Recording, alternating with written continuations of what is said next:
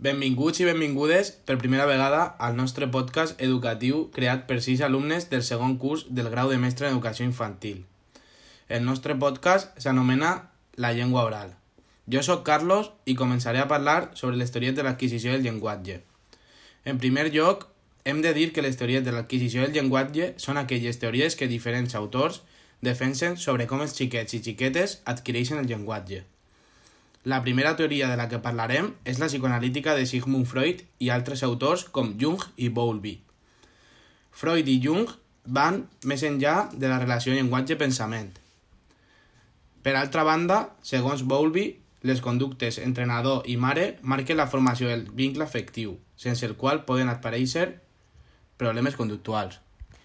Ara parlarem de la teoria conductista. L'autor principal d'aquesta és Skinner, acompanyat per Watson i Bandura. Aquests tres postulen que l'adquisició del llenguatge respon al condicionament clàssic, és a dir, per repetició o per observació.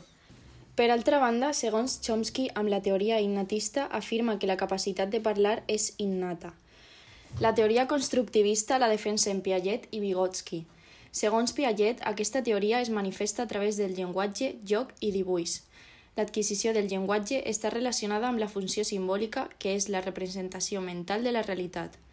Per altra banda, segons Vygotsky, aquesta adquisició té lloc en un espai social i, a més, el desenvolupament del llenguatge respon al medi social i a la comunicació del mateix.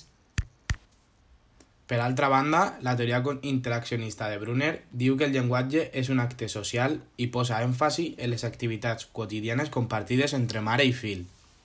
Aquestes quatre capacitats innates, segons Brunner, són en primer lloc, l'acció encaminada a aconseguir un fi. En segon lloc, l'adaptació a actuar en àmbits reduïts. En tercer lloc, el grau de sistematització de les accions. I per últim, la capacitat d'abstracció per afrontar-se a altres contextos d'espai, temps i causalitat. I, per acabar, comentar que teòrics de la teoria conexionista proposen que el coneixement s'emmagatzemaria en la connexió de relacions d'eixes unitats de pensament que són les neurones.